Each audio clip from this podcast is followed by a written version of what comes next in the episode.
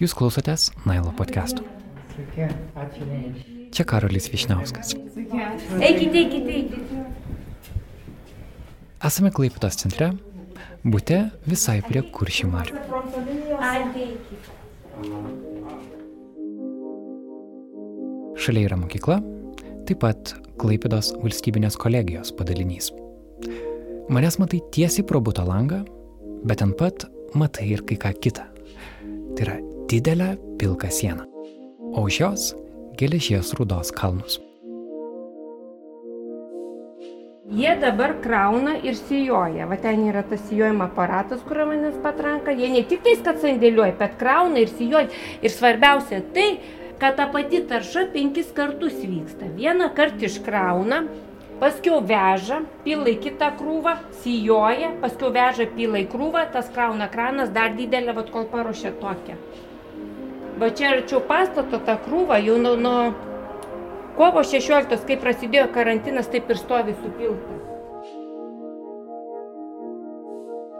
Šie kalnai atrodo it smėlio pilys, tik yra juodi ir siekiantys, sakyčiau, trečią daugiabučio namo aukštą. Vėjas geležies rūdą kartais atpučia tiesiai į gyventojų langus. Jeigu vėjas yra stiprus, nuo tos krūvos sukrautos, tai per, penk, per pusvalandį jau juoda būna. Paradarai ateini už pusvalandį jau juoda, jau reiškia viskas, reikia viską uždaryti, viskas. Čia kaip paskui, kaip kareviniai turi būdėti pastoviai. Aš, pavyzdžiui, langą jeigu atsidarau, tai aš einu ir braukau kas penkias minutės, nes jau pradeda ranką juoduoti, tai uždarau, nes pastoviai stalas, ant stalo nieko negalima dėti. Viskas juoda, nes arti stalas, va, čia juoda, čia juoda, visur. Va, pažiūrėkit, tarpulangis, kas yra. Pasižiūrėkit, koks stiklas. Kolegė Indrė perbraukė pirštų per palangą namo viduje. Mhm, juodi pirštai. Taip.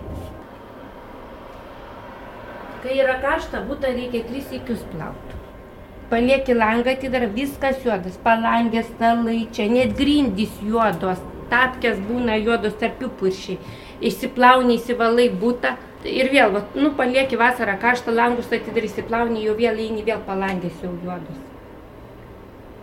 Vėl palangės visos juodos, vėl stalai per naktį palieki, atsikeli ryte, nežinai ką daryti. Ar pusryčiaut, ar eiti į darbą, ar eiti valyti. Nes viskas juoda.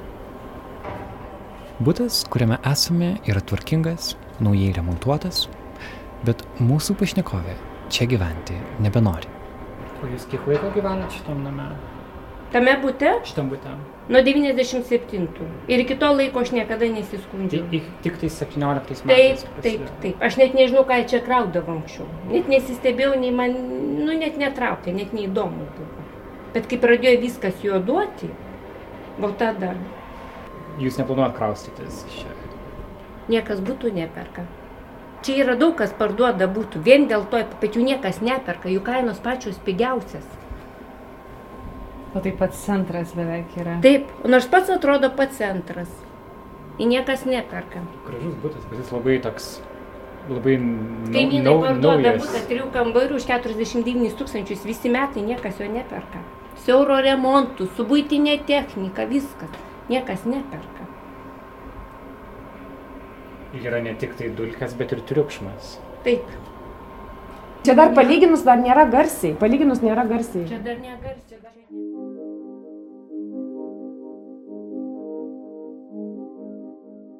Mes negalime įrodyti poveikio sveikatai, nes poveikis sveikatai yra ilgalaikis, jis yra lėtinis. Tačiau mes galime, psichoemocinis poveikis yra labai akivaizdus. Mes išgyvename nerimą dėl savo sveikatos, kas, kas bus ateityje su mūsų sveikata ir mūsų vaikų sveikata. Ir, ir tu negali tame nerime nuolatos gyventi, tai vyksta kiti procesai, tai va tu arba iš, išsikraustai, arba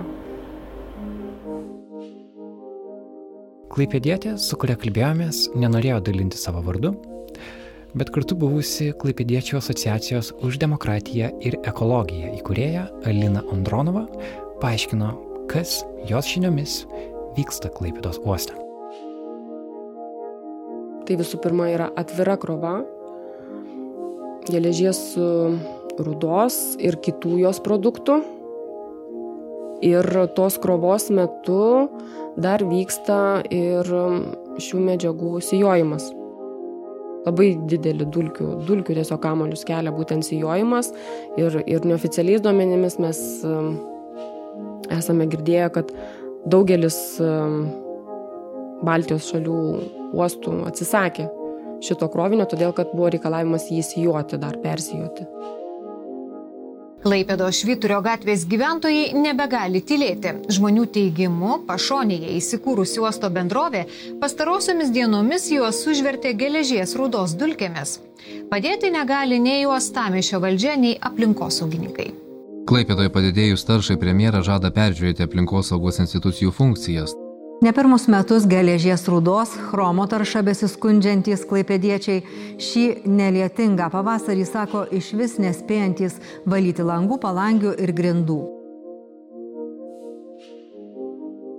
Į Klaipėdą važiavome ne tik suprasti šio miesto ekologinę būklę, bet ir pažinti žmonės, kurie siekia ją pagerinti.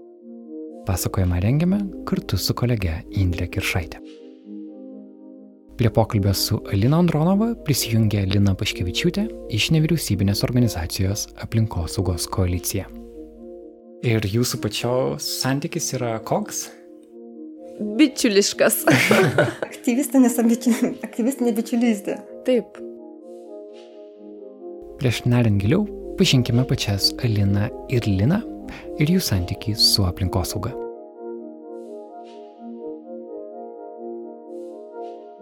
Šita problema oro taršos e, tapo aktuali man, mano šeimai, kadangi mes gyvename apie 50-80 metrų e, nuo Klaipėdos uosto ir nuo įmonės, kuri nuomoja, nuomoja krantinę tame uoste, tai yra akcinė bendrovė Klasko.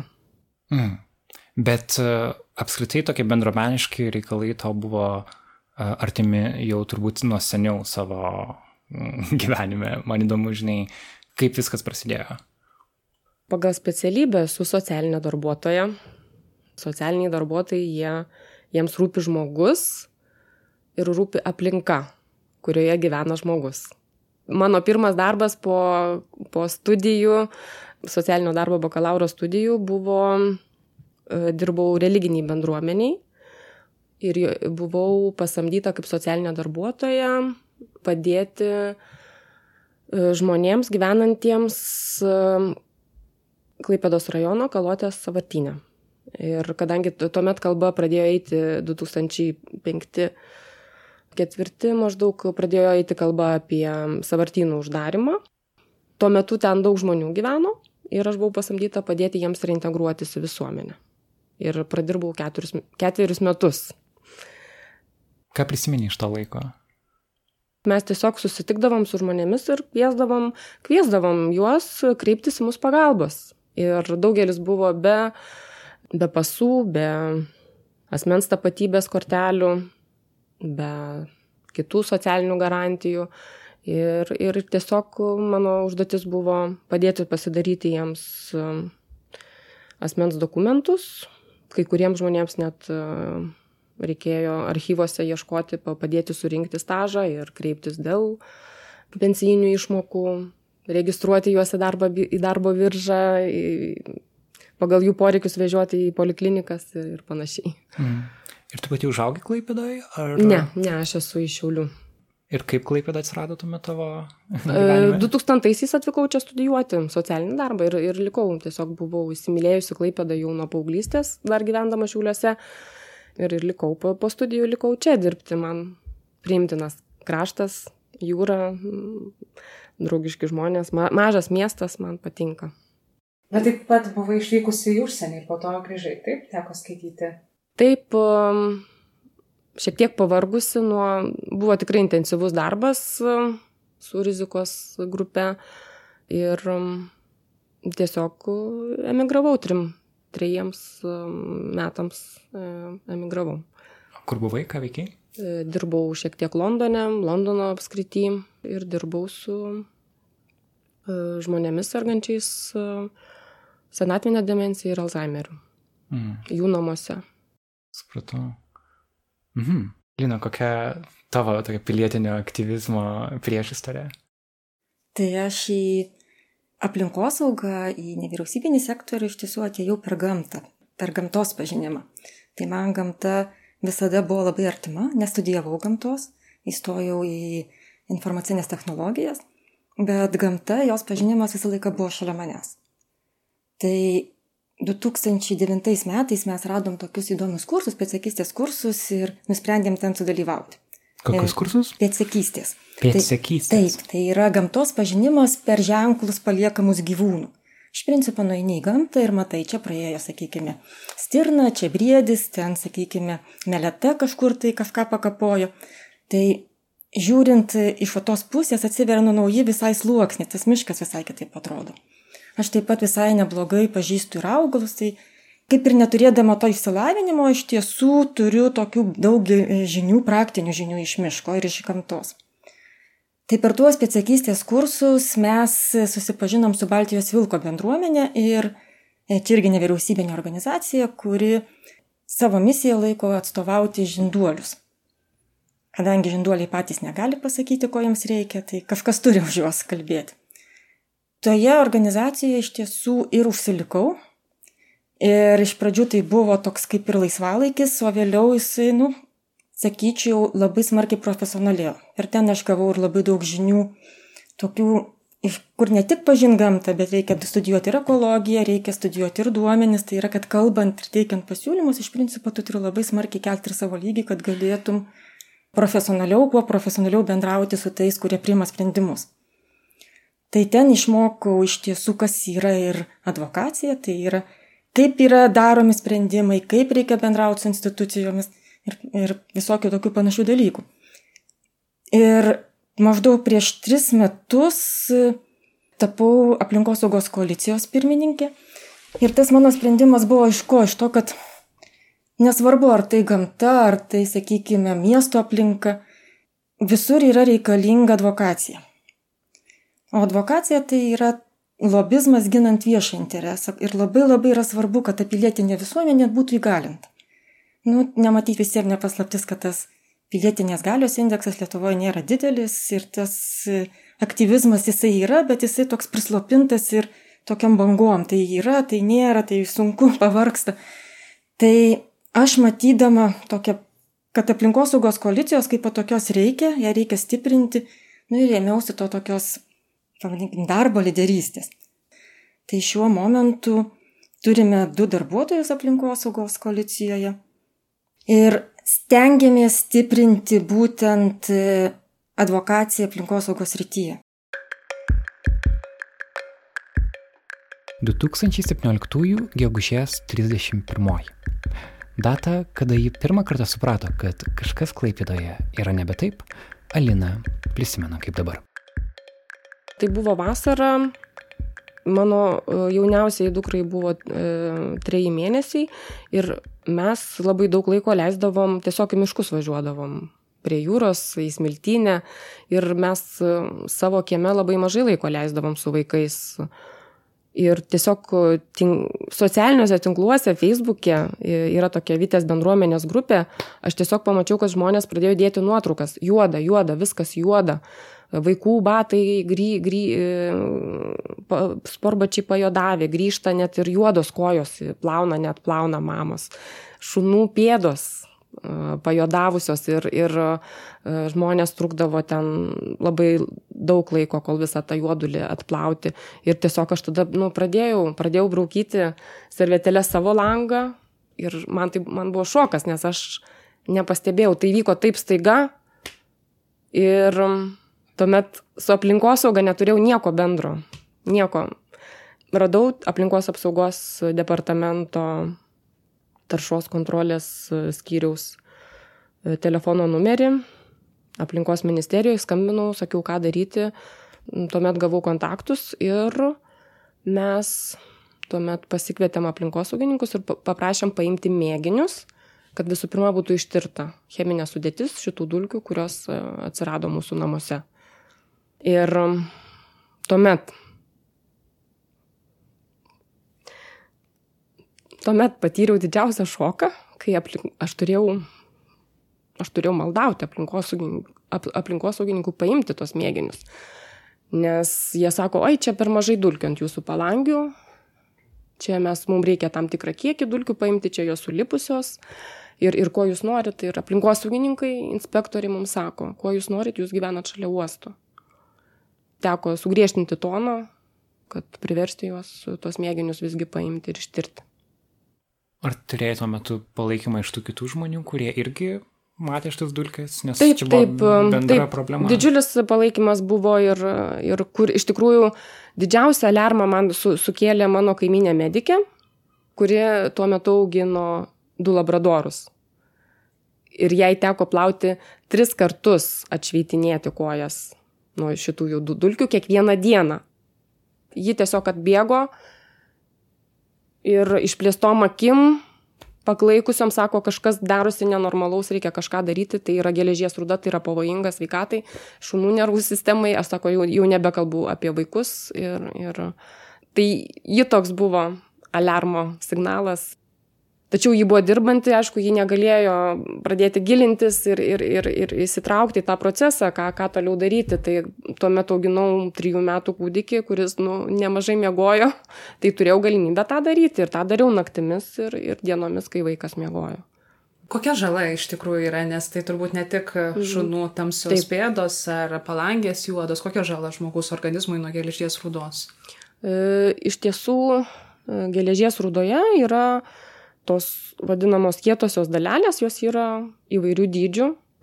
Pačios pavojingiausios yra 2,5 ir 10 e, mikronų, e, kai skersmuo yra. Tai šitos dalelės jau patenka į kraują, patenka į, į, į plaučius ir iš jų ne, neišsivalo. Tačiau ir didesnės, didesnios kersmens dalelės, jos e, patenka į kvepavimo takus ir dirgina viršutinius kvepavimo takus. Ir um, tie, kas, uh, tarkim, serga kvepavimo e, lygomis asma, tiems padažnėja priepoliai, o, o kurie, kurie yra jautresni ir, ir netoks imunitetas stiprus atsiranda, atsiranda e, kosuliai, užkimimas ir, ir, ir panašiai. Sako, kad pirmiausia aplinkosaugininkai ne nenorėjo tirti, ar ne? Taip. Bet galiausiai jums pavyko pasiekti, kad būtų ištirta. Kaip, kaip, kaip tai pavyko? Jie ištyrė, bet mes vis, mes vis teiravomės rezultatų ir um, mums sakydavo, ne, dar nėra, vėliau sugedo laboratorijos įrenginiai ir mes atsakymus, uh, mes atsakymus gavome tik tais kitų metų sausį. Pusę metų. Taip. Tai. taip. Ir tie atsakymai ką parodė? Kad 70 procentų mėginio sudėties yra geležies ruda, ir, kuri su, kurios sudėtis sutampa su mėginiais paimtais iš klasko, klasko krovinių. Ir tai viršė normą sveikatos, ar ne? Ne, normų nėra. Stambioms dalelėms, kurios buvo rastos mūsų, tuos kietosios dalelės ant mūsų palangių, jos yra didesnios kersmens nei, nei 10 mikronų ar 2,5 ir reg, pagal teisės aktus e, tarša yra reglamentuota tik šitom dalelėm, o didesniam dalelėm nėra jokių reglamentų. Tai jų apskritai net negali būti, ar vis tiek yra kažkokia norma, kuri nekenkia žmogui? Ne, tada... mes, mes domėjomės tuomet taip. Mes interpretavome, kad jeigu nėra, tai reiškia negali būti. O verslas interpretavo kitaip, kad e, reiškia gali būti. Nėra jokio, jokio reglamento. Todėl um, tiek 18 um, metais jau vėliau e, mes kreipėmės ir į premjerą, ir visas institucijas ir prašėme keisti teisės aktus ir užtikrinti mums sveiką aplinką. Ir e, jau tuomet 19 20 metų, 20 metų sausio vasario mėnesį tie nauji griežtesni teisės aktai, jie buvo patvirtinti. Prieš tai, aišku, ilgas procesas, kol, kol vyko jų naujų su, aktų sudarimas, bet kaip patvirtino, visgi daugelį aspektų, kurie mums yra patys aktualiausi, jų įsigaliojimą atidėjo 22 metams. O tie aspektai yra? Tai yra pagrindinis, kad negali būti jokio, jokio įmonės produkto už įmonės ribos. Žodžiu, kad būtų nulis dulkių, ar ne? Taip, ne tai, ka... mhm. taip, taip. Ir jie, jie argumentavo tiek vyriausybės atstovai ir, ir labai smarkiai pramonininkai dirbo, Lietuvos pramoninkų konfederacija ir iš visur buvo patirimas spaudimas ir visgi buvo atidėta. Sprendimas šis ir šis įsigaliojimas atidėtas 22 metam. Tai tarsi atrodo, kad dabar kol kas nėra progreso per šitus trejus metus ir kažko galime sulaukti tik 2022 metais. Taip, taip. Tačiau mes uh, su, sulaukę tos uh, antros ar trečios jau bangos, did, tikrai tokios markesnės uh, tų geležies rūdos dulkių gyventojai, skatinom gyventojus rašyti kuo daugiau apie tai, rašyti žiniasklaidai ir siūsti, siūsti laiškus aplinkos ministerijai. Ir gegužės mėnesį aplinkos ministras inicijavo įstatymo projektą, kad tuos sugriežtinančius reikalavimus aplinkosauginius, kad jie įsigaliotų 20, 20 metais lapkričio 11. Ir dabar yra, vyksta Seime svarstymas šitų, šito projekto. Taip pat vėl, vėl, vėl, vėl, vėl yra žinoma kliučių daug ir stabdymų iš pramonininkų, iš ūkininkų labai yra priekaištaujama dėl, dėl šito, kad norima taip pagreitinti ir neduodama verslui susitvarkyti, neduodama verslui laiko investuoti. Tačiau daugelis, daugelis pačių Seimo narių sako, verslas turėjo jau susitvarkyti vakar. Pačius pirmus vaizdus užfiksavote prieš trejus metus. Ar kažkas keičiasi, kaip yra dabar, lyginant prieš tai, kas buvo 2017 metais? Ar pastebit, kad galbūt mažiau tų dulkių? Ir ar e, įmonė, kuri yra šalia jūsų, ar įdėgia kažkokius saugos įrenginius, kurie mažintų tą taršą? Šiuo metu mūsų žiniomis e, yra dėgiama kažkokia sistema, mes daugiau dar informacijos negavome, bet iki šiandienos, iki šiandien dienos, tai buvo tik laistimas, dulkių gesinimas vandens patrankomis jokio progreso per trejus metus nebuvo. Paskutiniais duomenėmis gyventojų skundais, e, kurie buvo paviešinti ir nuotraukos, ir vaizdai iš kanto gatvės, daug toliau nuo čia, tai ir juodos, viskas vėl juoda. Čia kalbant dabar apie 20 metų vasarą. Dabar. Dabar. Liepos mes... pirmos dienos Klaipėdos plaučiuose grupėje yra paviešintos tos nuotraukos, kokia yra situacija šiandien. Tai jeigu taip e, chronologiškai vėl bandant susigaudyti visam pasakojime. Pirmiausia, viskas prasidėjo nuo, kad gyventojai pamatė tiesiog ant savo šunų, savo vaikų, kad yra, kad yra dulkės, ar ne? Ir, bet kažkurio metu tai tapo ir visos Lietuvos klausimu, ar ne? Kad sureagavo premjeras, jei neklystu, buvo ir Delfi straipsniai. Suprantu, kad buvo kažkokia kūdikio nuotrauka, kuri Taip. labai išjudino visus. Ar galim papasakot, kaip visą tai įvyko? Kaip jūs atrodytų lokalų klaipėdos klausimą pavertėt bendrai visos Lietuvos klausimų? Tai paraleliai mes kreipiamės ne tik į institucijas atsakingas, bet ir žiniasklaidą. Ir nuo 17 iki 18 metų žiniasklaida visiškai šito klausimu nesidomėjo ir, ir, ir buvo labai sunku paviešinti. Tai mes ėmėmės tiesiog, mes šitą klausimą viešinom socialiniuose tinkluose. Buvo sukurta grupė Klaipėdos plaučiai kad, kad žmonės galėtų dalintis informaciją ir, ir, ir vykdėme, galima sakyti, savo, savo monitoringą, savo stebėseną. Daug žmonių prisijungia. Šiuo metu grupėje yra 1100 narių Klaipėdos plaučiuose. O Klaipėdoje gyventojų yra? 150, 147 tūkstančiai, šiandien kaip tik apie tai kalbėjom. Tai čia daug ar mažai tūkstantis žmonių Facebook? Mums tai yra daug. Aha. Mums tai yra daug, kadangi net patys gyventojai, daugelis gyventojų negyvenantis e, šioje miesto dalyje, mes iš jų labai daug irgi patirdavom ir spaudimo ir, ir tokių susilaukdavom paraginimų, tai, taigi čia uostas, taigi čia darbo vietos. E, jums nepatinka, kraustykitės į kaimą. Jeigu jūs norite švariai gyventi, kraustykitės į kaimą. Čia taip kiti gyventojai sakė? Taip, klaipėdiečiai. Taip, taip, taip, taip. Tai o grįžtant prie jūsų klausimo, 18 um, metais, būtent 18 metų vasarą, rūpjūčio mėnesį, um, Klasko pradėjo krauti naują produktą - naftos koksą. Ir naftos koksas uh, taip pat dėl vėjo, vėjo kryptis buvo labai nedėkinga miestui.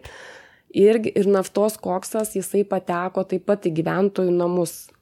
Karklų gatvėje, Zauerveino gatvėje, Imanuelio Kanto gatvėje, Pievų take ir Herkaus Manto gatvėje. Reikia suprasti, kad tai yra tokias, e, sen, vos nesename šie gatvės, ar tai yra taip. gražiausia Klaipėdos. E, vieta, iš esmės, taip, apie ką mes kalbame. Taip, ir tai jau, buvo, tai jau nebebuvo dulkės, tai jau buvo suodžiai, ištepę baltus vilnonius kilimus žmonėms, baldus, užuolaidas, sugadinę, e, sugad, buvo sugadintas žmonių turtas, kai kurie net kreipėsi, kreipėsi į į draudimo agentus ir, ir, ir žinoma pradėjo iš karto viešinti, e, viešinti Facebook'e, kelti nuotraukas su vaikų, ko, vaikų kojelėmis. Ir ta viena nuotrauka su kūdikio kojom, kurios buvo irgi dulkinos, ji kažkaip jau pasiekė galiausiai žiniasklaidą, kad iš pradžių nereagavo Taip. ir ta nuotrauka kažkaip pramušė iš tą ledą.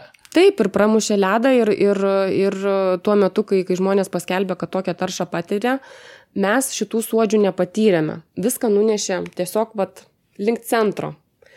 Apėjo Švyturio gatvę, apėjo Gulbių gatvę ir viskas nuėjo į centrą šitą taršą. Ir, ir aš iš karto sureagavau, jau žinojau, ką daryti, sakau, žmonės nieko nevalykit, neplaukit, kiek tik įmanoma palikit. Ir surašiau surašiau adresus, kontaktus, telefonus, kvieskit aplinkos ir, ir raginau kviesti aplinkosaugininkus paimti mėginius.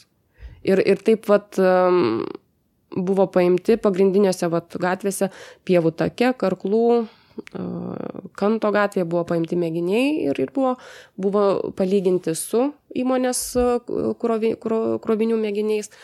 Tada sutapo ir tada premjeras sureagavo. Ką pasakė premjeras? Aš pajuodusios klaipėdos nepaliksiu.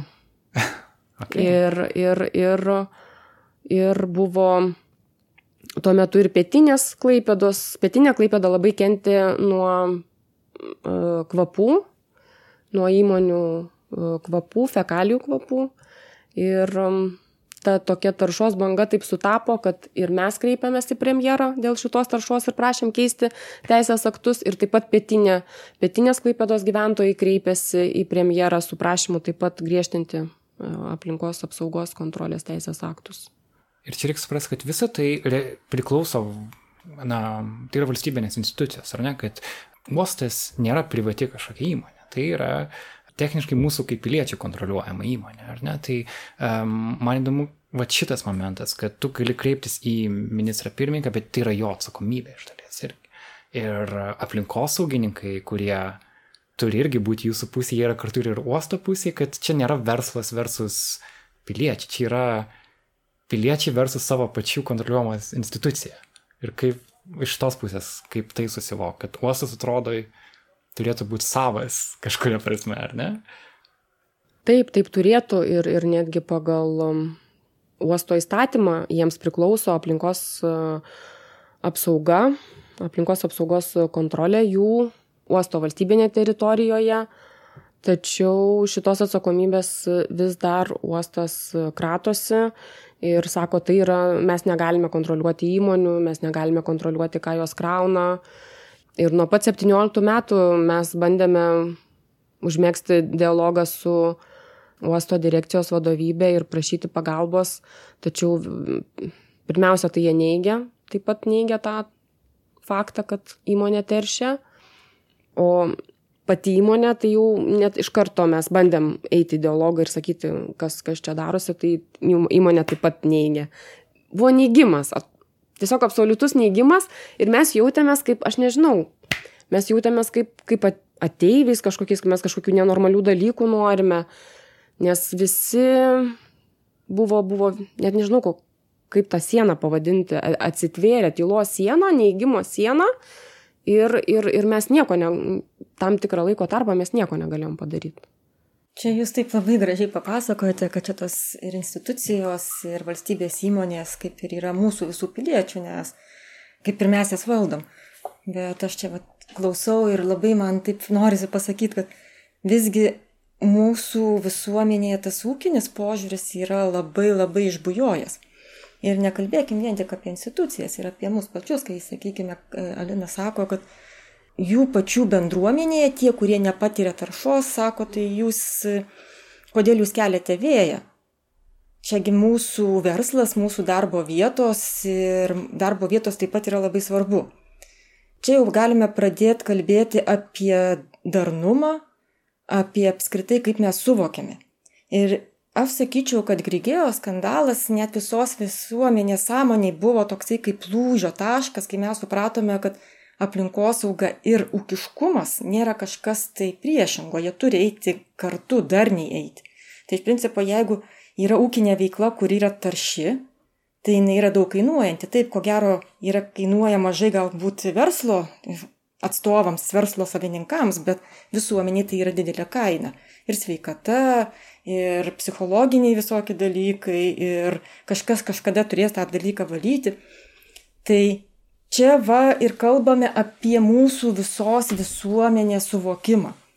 Ir mes kaip piliečiai matyt nepakankamai reikalaujame mes nereikalaujame, mes net nesuprantame, kad ir galim reikalauti. Ir tik dabar pradedam įsisamoninti, kad mes turim reikalauti. Ir jeigu jau kalbėtumėm apie aktyvizmą, tai kaip instrumentas jis irgi pas mus e, toks jaunas ir, ir dar neišvystytas. Tai vėlgi mes kaip piliečiai visų pirma esam gana ūkiškai nusiteikę, visų antra nesuprantame, kad galim reikalauti iš institucijų ir trečia mes nemokam iš jų reikalauti.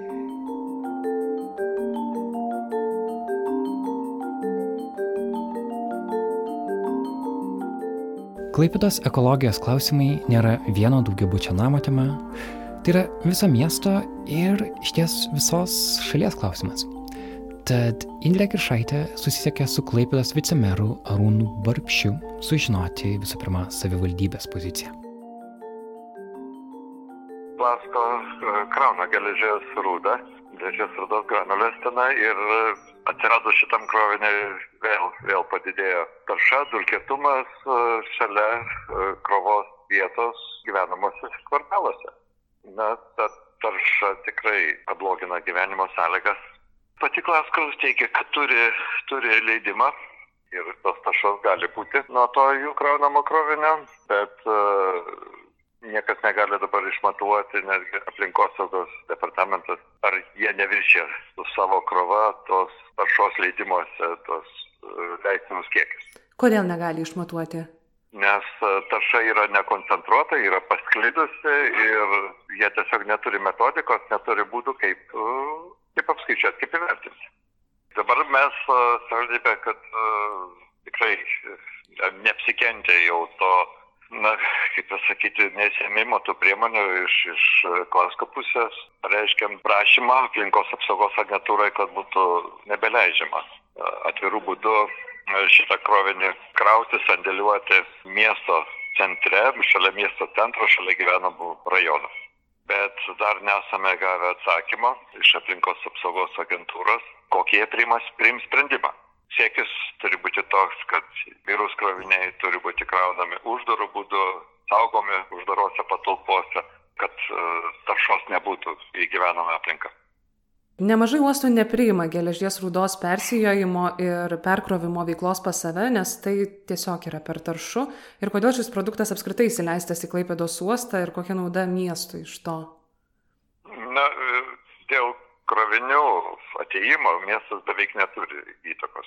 Tai tas, na, toks savarankiškumas uostų, uosto teritorijos ir valstybinių institucijų, kur aplinkos apsaugos agentūra išduoda leidimus, tai jie įsikūrė iš viso Vilniuje ir tai, kas čia vyksta, koks krovinys ateina, na, mes savivaldybėje galim tik pareikšti nuomonę ir ją gali būti atsižvelgta arba ne. Jeigu negali krauti uždarų būdų, tai manome, kad tokio krovinio iš viso mieste negali būti. Ir jūs sakote, kad miestas neturi kažkokių svertų, kuris galėtų padaryti didesnį įtaką. Jūs pasakėt, kad miestas gali tik nuomonę išreikšti. Taip, miestas teikia pastabas, bet ar jas yra atsižvelgiama, tai mes galime tik tai pareikšti nuomonės. Tai, kad ir detaliuose planuose yra numatyta, kad kroviniai turi būti kraunami uždarų būdų, kad tuos reikalavimus turi vykdyti, bet ar tai atsižvelgs, tai vėl e, sprendžia aplinkos apsaugos agentūra. Savivaldybė dėsime pastangas, kad to krovinio uh, tokiu atviru būdu, kad nebūtų kraunamas, kad nebebūtų teršiama. Ir dar turbūt svarbu pabrėžti tai, kad kaip kalbėjome su gyventojais, tai vyksta nuo 2017 metų. Tai, yra, tai neprasidėjo prieš kelis mėnesius, tai jau kuris laikas vyksta. Ir gal galėtumėt pasakyti tada, kur stringa, jau per šitą laikotarpį, kur visa tai stringa ir kodėl miestiečiams nepavyksta pasiekti, kad jie galėtų gyventi švariau. Na, strigimas toksai, kad Klaska visada neigia, kad uh, ta tarša, kur yra, kad tai yra nuo jų krovinio. Jie iki šiol šito nepripažįsta ir na tyrimai kurie matuoja taršą dulkėtumą ir kitką iš vėl aplinkosaugos ir visuomenės sveikatos centro specialistų tyrimų jie nepateikdavo tų įrodymų kad tarša viršyta ir kad tai yra susiję su klasko kraunamu kroviniu kol šiais metais tiktai metų pradžioje mes gavom geologijos tarnybos e, raštą kur jie atlikę tyrimus e, rado sąsajas tarp e, taršos gyvenamoj aplinkoj kad ta tarša yra tokia pati na iš to krovinio koks yra kraunamas krovinys klasto tai čia turbūt toks pirmas dokumentas kuria remiantis mes jau ir prašom sustabdyti krovą, kad nebebūtų kraunamas tas geležies rūdos krovinys. Tai realiai kažkokie... O iki tol neturėdavom nieko, visi sako, normos neviršytos, sąsajos su kroviniu nerasdavo, nieko nėra, Lasko neigia, na, sako, jūs čia patys krosnis kūrenat, automobiliai važinėja, dulka ir, ir kitka, na, tiesiog tokį ignoravimą ir atsikalbinėjimą turėdavom.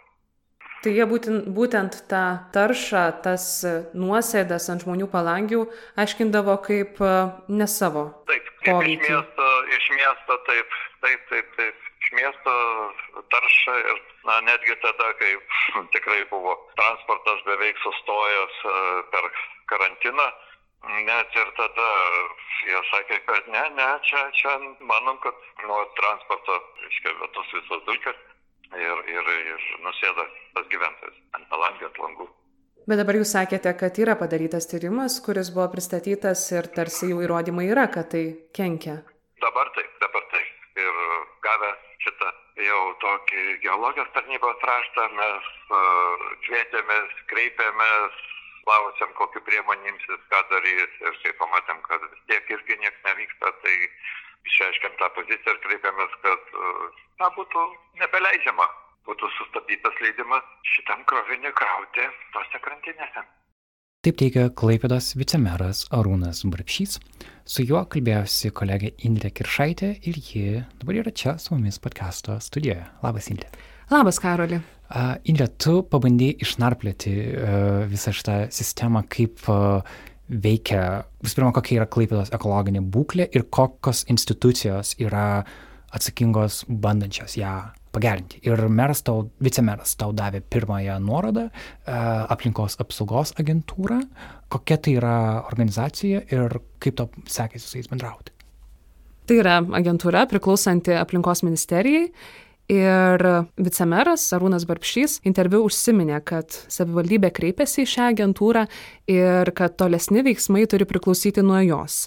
Agentūra patvirtino tai, kad gavo savivaldybės kreipimąsi ir po to kreipimosi nustatė naujus įmonės taršos šaltinius ir nusprendė keisti klasko taršos leidimą, ko ir prašė mhm. savivaldybė. Tačiau išgirdusi šį sprendimą, įmonė klasko apskundė tai teismui Todėl platesnio tokio atsakymo iš aplinkos apsaugos agentūros gauti nepavyko dėl vykstančių teisminių procesų. Ką dar svarbu paminėti šiame kontekste, tai kad uosto ir taršos kontrolė priklauso daugybė institucijų. Už tai atsakinga ne tik savivaldybė, ne tik prieš tai mūsų minėta aplinkos apsaugos agentūra, Pirmiausia, už tai atsakinga yra uosto direkcija ir susisiekimo ministerija, taip pat aplinkos ministerija ir jai priklausančios institucijos. Taip pat tarša ir jos poveikis sveikatai tyria ir nacionalinis visuomenės sveikatos centras, tai reiškia, kad čia įsijungia ir sveikatos apsaugos ministerija. Tai kai kontrolė yra pasiskiršiusi tiek daug rankų, o teisinis reglamentavimas nėra pakankamas, ir tyrimus vykdo daugybė institucijų ir jie dažnai nesutampa, įmoniai tikrai nėra sunku išsisukti iš šios situacijos. Mm. Tai suradusi premjero Saulius Kvarnelio požiūrį į šitą sistemą, ar ne? Kad e, viena jo citata iš kurių metų? Iš 2018. Um, svarbu paminėti tai, kad gyventojai pradėjo skustis tarša 2017 metais. Iš pat pradžių nacionalinė žiniasklaida netkreipė į tai dėmesio ir 2018 metais pasirodė nuotrauka plačiai paplitusi, tai yra, ką ir minėjo Alina mhm. anksčiau interviu, e, tai yra purvinos vaiko kojelės, e, suodžiais purvinos. Mhm. Ir tada tokia nuotrauka, iš tikrųjų jautri nuotrauka, paplito per visur ir tada ir nacionalinė e, žiniasklaida atkreipė dėmesį, tada vyko ir vyriausybės pasitarimas dėl šios situacijos. Ir į šią situaciją 2018 metais sureagavo ir premjeras Saulis Kvarnelis ir jis teigia, kad iš tikrųjų viskas stringa biurokratizme. Gyventojai palikti likimo valiai faktas ir kalbėti šiandien, kad gali būti taip, jog tu namus parėjęs esi suodžiuose ar dulkės ir kitose dalelėse ir sakyti, kad, na, kaip ir kažką tai imsimės, parengsim naują planą, tai apskritai mes matyt turim su aplinkos ministerija sėsti ir žiūrėti aplinkos saugos institucijų peržiūrą funkcijų, kad būtų aišku, kur kreiptis, kas atsakingas. Dabar viena leidimus išduoda, kita kontroliuoja, trečia dar kažką tai daro, tai laboratorijos nėra, tai įranga sulūžus na, tipinis biurokratinis vaizdelis. Indrė, tiek Alina Andronovai, tiek Klaipės vicemeras, jie referuoja į kompaniją Klasko kaip tokią pagrindinę problemą norint siekti švaresnės Klaipėdos. Ir tas, ką patys matėme daugiabučiuose, patenkančius suodžius, jie eina tiesiai iš tų geležies rudos mėlio pilių, už kurias Klasko kompanija yra atsakinga. Kas apskritai yra Klasko, ką apie šitą įmonę reikia žinoti?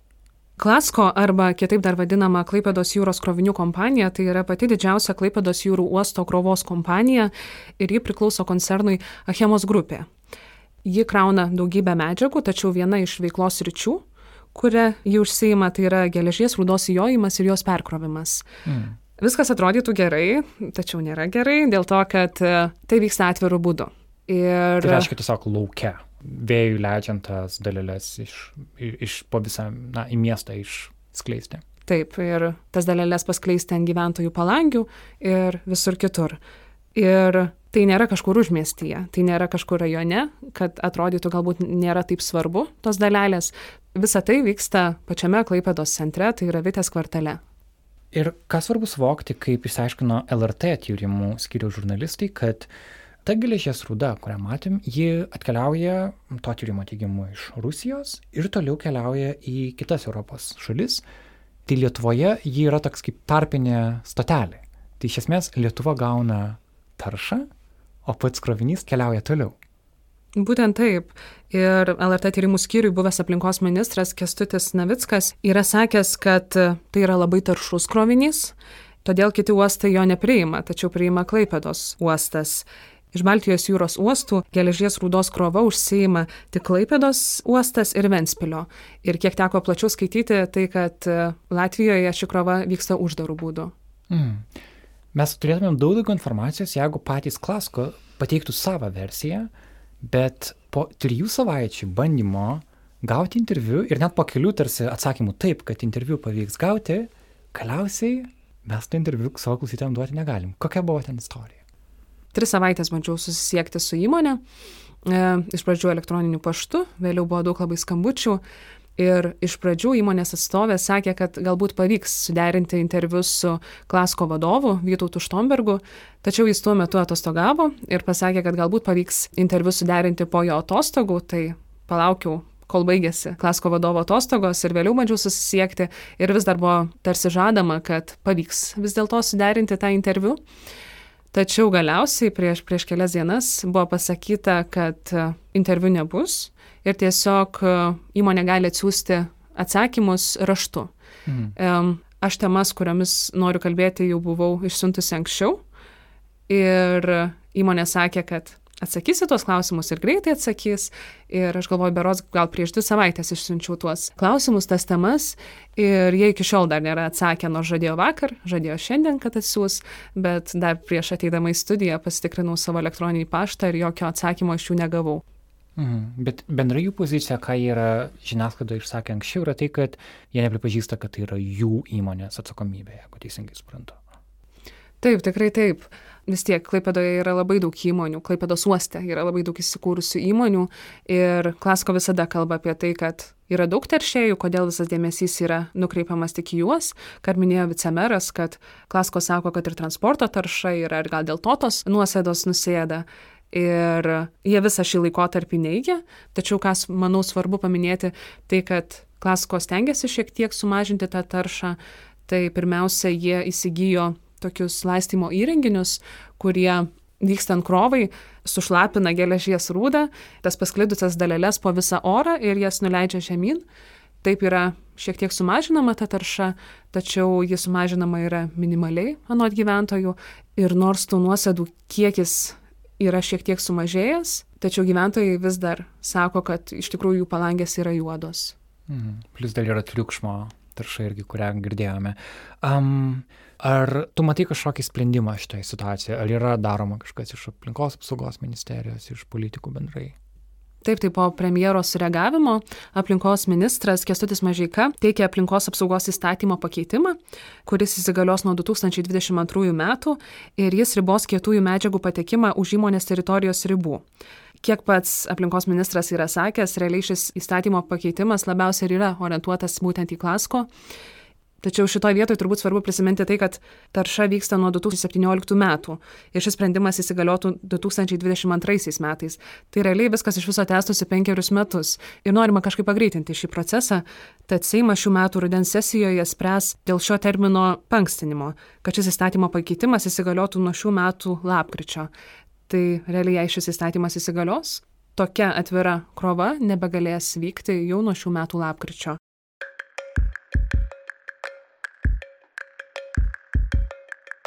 Indrė, kalbant apie Klaipėdą ir ekologiją, yra ir kitos temos, kurių mes šitame epizode tiek stipriai nepaliesime, bet klausytojams verta jas priminti. Visų pirma, tai yra vadinamasis Grigeo skandalas ir jų užteršimas kuršimarių. Um, kokia situacija dabar su Grigeo yra? Tai trumpai priminsiu, kad šių metų sausį paaiškėjo, kad tiesiai kuršių marės keliavo nevalytos įmonės Grigėjo nuotekos ir pietinės klaipėdos gyventojai, ten būtent yra įsikūrusi Grigėjo, e, nemaloniais kvapais skundžiasi iš tikrųjų iki šiol. Ir pasak aplinkos ministro Kesučio Mažykos, tarša galimai vyko nuo 2012 metų, tai yra aštuonerius metus. Šiuo metu tyrimas vis dar vyksta, tačiau, kaip teigia pati bendrovė, ji yra pasiryžusi atlyginti visus nuostolius. Mhm.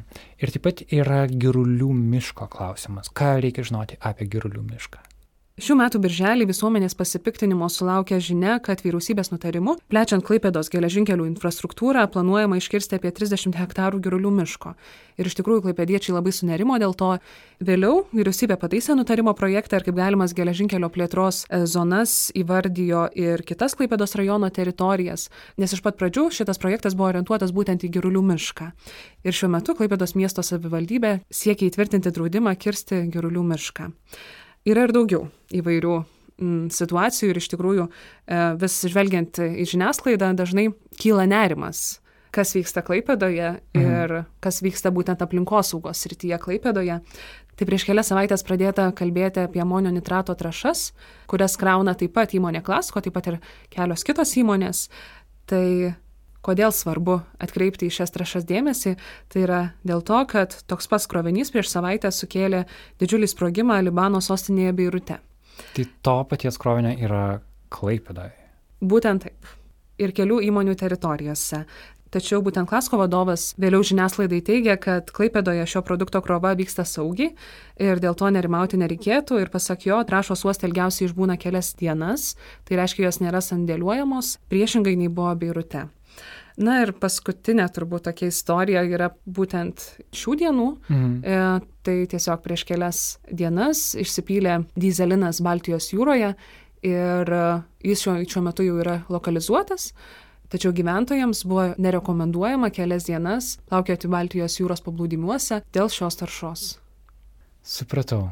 Ok, dėkui, Indrė, labai, kad nušvietė tokį platų aplinkosaugos paveikslą Klaipėdoje jis nėra labai įkvepiantis, bet turbūt geriau žinoti negu nežinoti.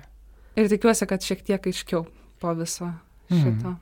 Dėkui tau labai už tai ir dabar noriu klausytojus pakviesti grįžti į mūsų interviu su Alina Andronova ir Lina Paškevičiūtė.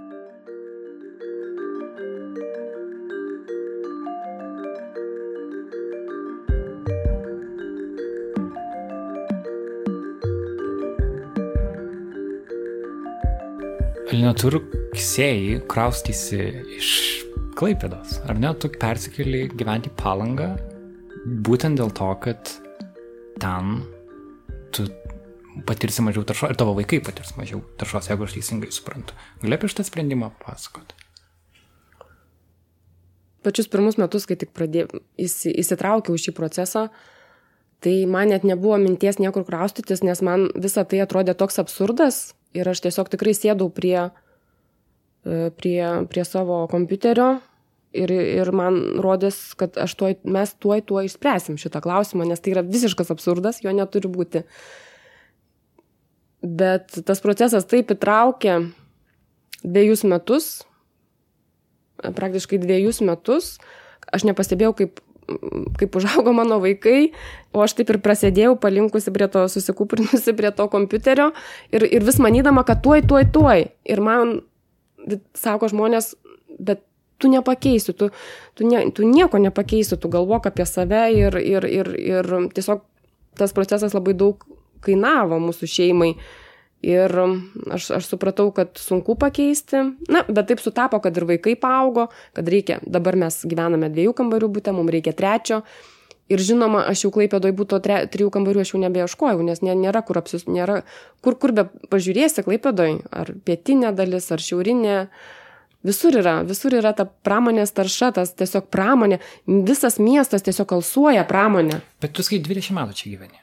Taip. Tai ir aš teisingai suprantu, kad uh, įvyko kažkoks lūžis pačiam uoste, kad dabar yra daug daugiau taršos, nes uostas Taip. visą laiką čia buvo, Taip. pramonė klaipėda visą laiką buvo, Taip. bet dabar yra kažkoks kitas lygis to. Taip, mes anksčiau tos taršos e, nejautėm, nes jinai nebuvo tokia vizualiai tokia matoma. Tačiau mes, kai atsikraustėme 2012 metais, mes su vyru, kai pirmą kartą valėm langus, mes pastebėjom, kad kad e, balti tie vat plastikiniai langų krašteliai, jie yra parudavę. Tokia kaip nurūdis tiesiog ir, ir ji nenusiplauna. Ir, ir mums kilo klausimas ir, ir, ir kiti kaimynai sakė, nu čia kaž, kažkuriais kažkada metais kažką krovė, va, va taip va ir tie langai visi va taip mums parudavo. Tai e, šis faktas rodo, kad reiškia, krova vyko rudos. Vyko galbūt kitokių produktų ir, ir jinai buvo kitokia, nes žmonės nesiskundė. Kiek, kiek aš žinau, niekas, niekas nesiskundė. Daug, daugiausia žinau, kad e, gyventojai skundėsi tar, triukšmų, triukšmo tarša. Mm. Bet tai rodo ir, kad tarša buvo visada, bet mes, mes jos taip nematėme. Ir todėl taip smarkiai nesidomėjome. Ir, ir, ir, Ir šiuo metu tavo akimis nėra būdo gyventi Klaipėdo, nėra vietos, kur galėtum rasti savo tinkamą būtę, kad tu nusprendėjai su šeima kraustytis į palangą, kur yra greta, taip, greta palangą, bet kur taip. nėra uosto. Taip, nes mes nenorėjome į kaimą kraustytis, kaip mums patarė kiti gyventojai, mes vis tiek norėjome miesto, mes norėjome vaikams asfalto, riedučiams ir paspirtukais, kad galėtų važinėtis erdvės, kad būtų jūros daugiau. Norėjote irgi, ar ne? Prašau. Jūros matyti irgi norėjome. Ir jūros norėjome, taip, ir jūros. Norėjom jūros, norėjome kultūrinio gyvenimo, kuris yra palangoje. Norėjome baseino, yra naujas, naujai pastatytas baseinas ir, ir tai buvo mūsų, mes metus laiko ieškojame to sprendimo, kur, kur mums pradėti naują gyvenimą, kur jį kurti ir, ir nusprendėm tai daryti. Bet tai skamba labai liūdnai, kad vadinasi, tu norint, kad Klaipėda kažkaip auktų, kad žmonės čia atvyktų, tada siunčiam žinę, kad iš esmės šitas miestas pamažu tampa ne, negyvenamas. Arba tu, jeigu čia gyveni, tu turi pasiryšti išgyventi tam tikrą taršos lygį, kurio kitur ne, nerasi. Kad šitas miestas nėra gyvenama iš principo. Aš taip tada tokią žinią gaunu ir tas labai gastina, nes Klaipėda yra svarbus miestas Lietuvai. Taip, ir mes bendraujame su kitais gyventojais, kuriems yra iškilusi panaši dilema. Ir, ir um, jie sako, mes tik nesiryštam pradėti naują gyvenimą, mes nežinom, kaip jį pradėti, kur jį pradėti, kurti. Bet jie visi norėtų iš, keisti gyvenamą vietą. Dėl šios, dėl šiandien tos esančios tokios situacijos jie norėtų keisti gyvenamą vietą, bet jie nežino kur, jie neturi galimybių. Jie... Jo, nėra lengva persikraustyti. Taip, taip. Ypač į kitą miestą. Taip, mm. ir, ir tačiau noriu pabrėžti, kad mes išsikraustėmės. Um, mes šio, šios, šitos veiklos nepaliekame. Tai nėra pralaimėjimas, tu ne, taip sakant, ne. nepasiduodi ne. ant klaipėdos ir išvyksti į palangą, tu tęsi tai, ką darai. Taip.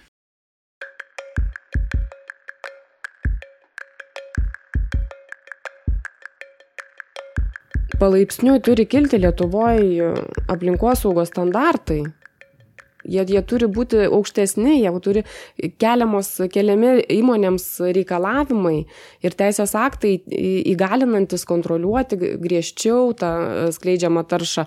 Bet visų pirma, įgalinti reikia atsakingas institucijas reikalauti efektyvesnių aplinkosaugos priemonių, kurios turi būti taikomos ir e, taikomos įmonėse ypatingai, kurios yra arti gyventojų tokia krova, kaip vyksta dabar Vitės kvartale, e, ji turi vykti tiesiog uždarų būdų. Krova yra technologijų, jos yra labai brangios. Jas reikia investuoti, bet, e, bet yra būdų. Tai vienas būdas yra uždarai krauti tokius taršius krovinius, o antras tiesiog iškelti tokią krovą už miesto mes nesiūlome uždaryti uosto, išeiti iš darbų gyventojams, mes siūlome ir prašome ir uh, įmonės investuoti į aplinkosaugą, į efektyves priemonės. Čia aš gal noriu pastebėti, kad mes labai įdomų aspektą pasteb... nu, palėtėme, kad kokia yra didžiulė kaina užleistos aplinkosaugos. Tie standartai yra, nu, jie galbūt žemoki, bet yra ir pas mus net yra problema, kad dėl, kaip mes matome dabar, dėl mūsų kontrolės e, mechanizmų, tokių spragų didelių, jie neužtikrinami. Iš kitos pusės ir standartai maži ir ką mes turime. Iš tiesų yra sukūriamos darbo vietos. Ir jeigu mes turime neatsakingą taršų verslą, tai iš vienos pusės turim darbo vietas ir pereiti tada jau į kažką atsakingesnio tampa, nu kaip ir tokia ir investicijų, ir konfliktinė situacija, nes darbo vietos irgi visuomeninis gėris, aplinkosauga irgi visuomeninis gėris. Tai iš principo mes privalome kelti tą lygį, kontrolę ir reikalauti, kad tas verslas būtų kuo atsakingesnis nuo pirmos akimirkos, kad mes neįeitumėm į šitą situaciją. O jeigu mes dabar dar pakalbėsime, ką apskritai, ką per dešimt metų reikia padaryti, tas visas žalesis kursas ir jo ambicijos, tai per dešimt metų mes turime net ir dabar laikomą atsakingą verslą dar labiau atsakingų padaryti. Ir mes turėsim tas pačias problemas, tai yra darbo vietos, e, aplinkosauginiai reikalavimai, socialiniai reikalavimai. Ir šitą spręsim, reiškia, visos įmonės turės surasti valios ir jėgų pereiti į kitą lygį. Mhm. Nėra kitos tiesiog išeities. Ir tarsi tai nėra kova prieš verslą, tai yra kova už atsakingą, už socialiai atsakingą Būtent, verslą. Būtent, kad tai yra kova, kad šalia mūsų būtų socialiai atsakingas verslas. Mums tikrai reikia socialiai atsakingo, net, net ne socialiai, sakyčiau, atsakingo verslo. Aplinkosauginiškai, socialiai tai yra verslo, kuris yra sudėtinė bendruomenės gerovės dalis. Hmm. Man labai išliko ta vieta, kai Alina sakė, kad e, prisėdai prie kompiuterio parašyti kažką ir atrodo, tavo vaikai spėjo žaukti, tu vis dar prie to kompiuterio likai. Ir man atrodo, čia yra vienas skirtinių turbūt momentų, kiek aš esu kalbėjęs su e, žmonėm, kurie kažką pilietiško veikia Lietuvoje. Atrodo, kad yra tam tikras kaip smėlio laikrodis, kuris eina žemyn ir atrodo kažkurio metu tiesiog nustoji, nes supranti, kad tu negali visą gyvenimą aukoti tam tikslui. Kad uh, tie žmonės, kurie yra pilietiški Lietuvoje, tada atrodo, kad jie yra labai patys išsunkiami ir tada jie paukoja labai daug yra klausimas, ką jiem pavyksta pasiekti ir mes tarsi norim visi labiau pilietiškos visuomenės, bet turbūt labai mažai kas supranta, ką praktiškai tai reiškia. Ką tu pati supratai apie, kiek kainuoja, žinai, pilietiškumas tau ir kur tu radai atsakymą, kur brėžti ribą, kad, okei, okay, va, čia jau užteks, kad aš savo jau padariau, nes aš apleidau kažkokias kitas rytis savo gyvenime. Šitas taškas yra pats, šitas momentas yra pats sudėtingiausias, kai taip prieš aš ir linai sakiau pasakojau mes su ja gal um, sausio ar vasario mėnesį aš neprisimenu kada mes buvom susitikusios kavinėje dalinomės um, dalinomės savo įspūdžiais naujienomis ir ir aš sakiau viskas aš imu Aš, aš atsitraukiu nuo veiklos metam, man reikia poilsio. Ir būtent, būtent tuo periodu žiemos, šių metų žiemos periodu aš atsidūriau Klaipėdos, atsidūriau palangoje rehabilitacijos centre dėl tam tikrų sveikatos problemų. Ir tuomet, kai aš pamačiau, kur, kur aš atsidūriau per tą tokį įsitraukimą, Ir, ir aš sakiau, viskas man reikia, aš tikrai nenoriu visko palikti, bet man reikia metų, metų laiko, man reikia poilsio. Man reikia poilsio ir, ir, ir, ir tiesiog atsitraukti. Dabar vėl, vėl, vėl aš svarstau, nu kaip gaila atsitraukti metam, nes gaila to įdirbio. įdirbio. Yra tiek kontaktų, yra užme, užmėgstų tiek e, aplinkos ministerijoje, tiek nacionaliniam visuomenės sveikatos e, centre Vilniuje.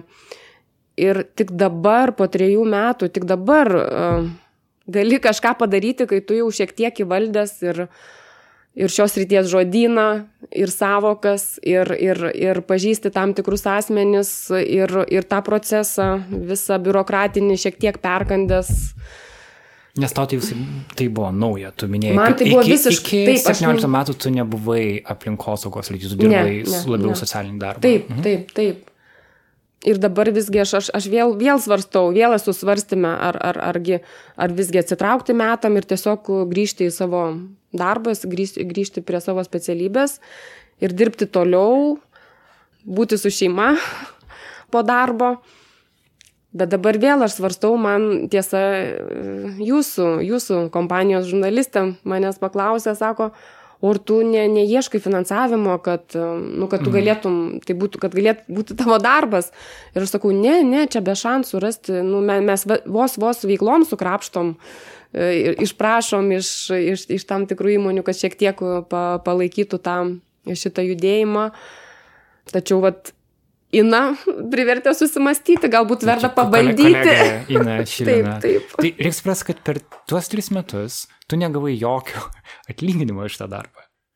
Ir tada klausimas, kaip tu, kaip tu gali paveršti veiklą savo, e, na, kad įneštų kažkokias pajamas, kad, tai, kad tai nebūtų kaip papildomas darbas. Žinau, kad tai, e, kada vyko prie rinkimai Europos parlamento, tai jais su Užros Maldykienės sąrašu, buvai aukštai jame, trečių numerių, bet ten tik tai pati aušra ir pateko tada, ar ne, kad galbūt tai yra būdas, galbūt reikia eiti į politiką kažkokio ar per tradicinės partijas, ar per kažkokiais kitais būdais. Man atrodo, daug žmonių mielai matytų ten tave gal Seime, gal net ar dar kažkur. Ar tu, ar tu manai, kad va tokiam žmogui, kuris tiesiog išsikelia save iš bendruomenės, mm. realiai labai mažai šansų patekti į tą didžiąją politiką ir paversti į savo karjerą, savo gyvenimą? Tuomet mano tikslas nebuvo patekti į didžiąją politiką, tai buvo gestas, palaikymo gestas ir uh, tikėjimas, kad, kad bus kažkoks palaikymas mūsų tai aplinkosaugai, tas dėmesys bus didesnis. Tai va toks buvo mano tikslas, tikrai ne, nepretendavau į Europos par parlamento nario kėdę. Tačiau šis, šis mano žingsnis parodė, kaip um, visgi dar politikos savoka pas mus yra klaidingai interpretuojama. Ir aš praradau daugelio palaikymą ir pasitikėjimą gyventojų, visuomenės dalies tam tikros. Rimtai. Taip, nes jie man... pradėjo galvoti, kad visą tai jie pradėjo galvoti, taip, šou, jie pradėjo galvoti Aha. ir manęs netgi atrodo jau ir gana artimi tokie kaimynai, arčiau gyvenantis ir jie tiesiog buvo sutrikę ir jie nesuprato, sako, tai tu reiškia, vat visą tai daryti dviejus metus, vat kad eiti į rinkimus ir... Nesakau, mane pakvietė dalyvauti rinkimuose todėl, kad aš buvau aktyvi ir aš kažką norėjau visuomenėje pokyčius kažkokius į, įvesti. Ir, ir aš tada supratau, kad čia yra vėl, vėl kitas, kitas laukas politika ir, ir jos sugražinimas, jos savokos tikros ir, ir esmės sugražinimas į visuomenę, kad, kad Kai žmonės galvoja, kad eiti į taip, politiką yra taip, blogai, taip, tu taip, kažkaip susitepi. Taip, taip, taip. Aha. Todėl aš nusprendžiau tiesiog, aš supratau, kad mes turim likti su žmonėmis šitoj barikadų pusėje ir, ir, ir um, čia dirbti, čia dirbti, nes um, Ir, ir tai iš tikrųjų yra sunkiausias darbas ir, ir, ir labai reikalingas kartu. Bet jeigu tu taptum, žinai, po dešimt metų galbūt galėtum tapti aplinko, kaip čia aplinkos ministerijos ministrė ir turėti daug daugiau galės realiai kažką bandyti keisti. Um, ar nėra kiekvieno bendruomenės aktyvisto tikslas turėti daugiau įtakos ir daugiau galių keisti. Aš ne, mano tikslas yra, kiek aš pamačiau problemą, kadangi vat, mes ją išryškinom čia kartu su jumis sėdėdami ir paryškinom, kad visų pirma, mums reikia samoningumą keisti, lygį, mhm. kelti gyventojų samoningumo, šviesti, kas, kas yra aplinkosauga, kas yra kieta dalelė.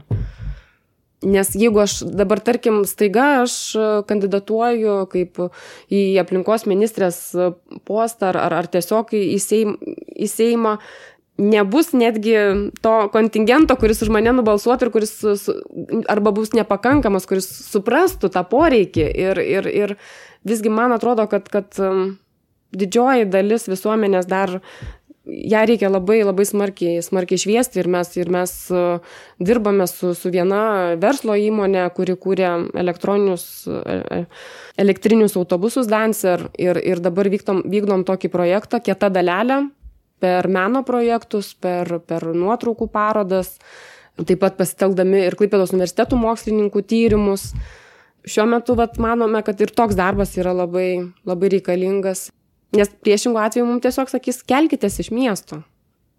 Važiuokit į kaimą, jeigu norit švariai gyventi.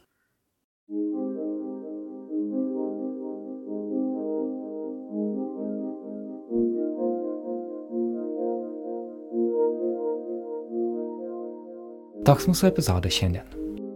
Ačiū, kad buvote kartu. Primenu, kad Nailo podcastą išlaiko patys klausytojai per Patreon sistemą patreon.com slash nanuk multimedia. Tokiu adresu galite prisijungti. Ir ačiū tiems, kurie prisijungia prie kampanijos rūpjūčio mėnesį.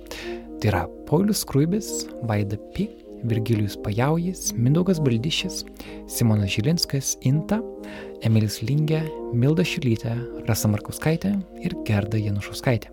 O savo skiriamą sumą padidino Kestas Kirtiklis ir Vytautas Hlebinskas. Ačiū kiekvienam iš jūsų patreon.com slash nanuk multimedia. Tokiu adresu kviečiame prisijungti. Podcast'o muzikos kompozitorius yra Martinas Gailius, o mūsų studijinį balsą įrašinėjame nacionalinėje Martino Mažydo bibliotekoje. Garso režisierė čia yra Kata Bitoft. Naila LT tinklalapyje pamatykite fotografijas iš susitikimo Klaipėdoje su Alina ir Lina. Ir taip pat ten rasite klaipėdiečių liudijimus apie jų užfiksuotą taršą. Mano vardas yra Karolis Višnauskas, Nailo podcastą kuria multimedijų agentūra den nok. Ikke gli, da.